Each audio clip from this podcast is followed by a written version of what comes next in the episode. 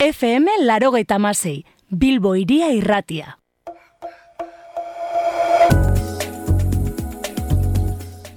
Bi mila tamairuko abuztuaren lautik aurrera, hileko lehen gandetan, harri eta inguruko produktoren azoka ospatzen da bizkaiko herri horretan.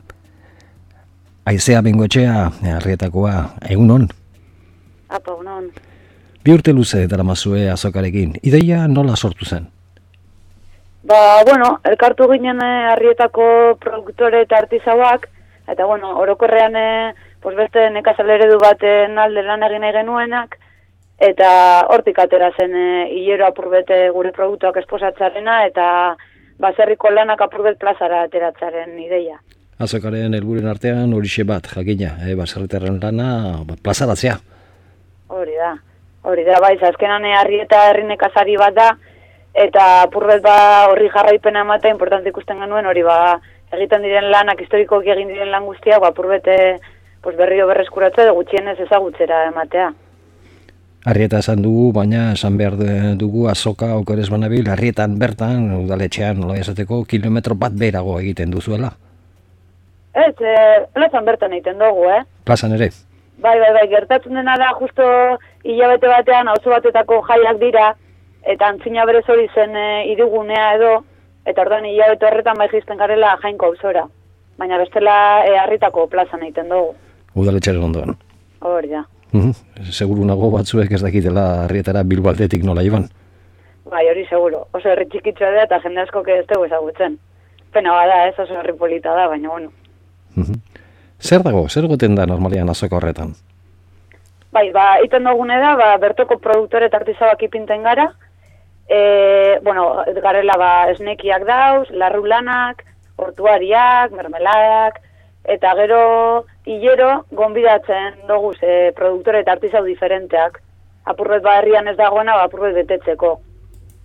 Eta gero aparte beti saiatzen gara, oza, azokaz aparte, ba, taierrak eskaintzen, umentzako ere eskaintza berezi bat egiten, eta lehen esan dizuan bezala, ba, baserriko lanak, sasoi horretan dauden lanak, ba, apurret ba, lantzen be, bai erakusketak ere egiten dituzue, artisao eta nekazal tresnena. Hori da. Ekoizle ekologikoak ere, badira? Bai, bai, bai, gehien, gehienak ekologikoak gara, gero bagaude ba, pues batzuk ba, bertoko, bertoko nekazari batzuk ba, oraindik ez da dena ekologikoan egiten, baina, bueno, apurka, apurka aurrera pausoak ere ematen ari direzenak, eta orduan eh, ekologikoatik aparte ere bertoko produktorak ipinten dira, bai. Eta prezioak nolako dira? Prezioak? Ba, zakit. Ni, bueno, depende zerekin konparatzen duzu, baina prezioak nik uste dut prezio duinak direla. Zuen lana bermatzeko bai zuzen. Hori da, hori da.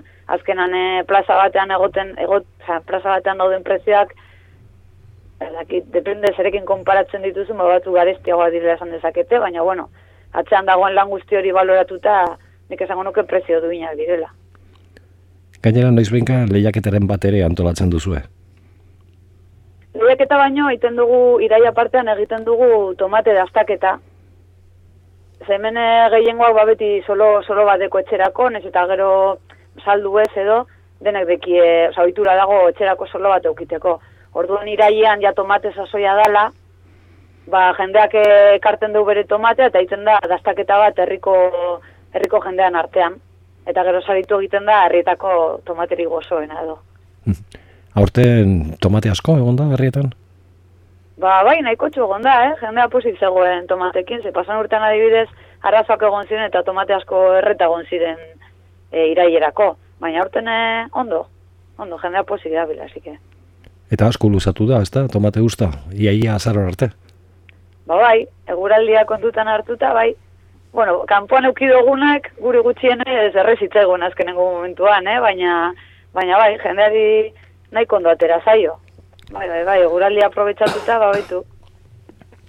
Esan dugun bezala, hileko lehen igandean, eh, arrietan, e, azoka egoten da, goizeko amaiketan hasita. Zonako giroa izaten da hor? Jo, ba, oso giro majoa egoten da, eh?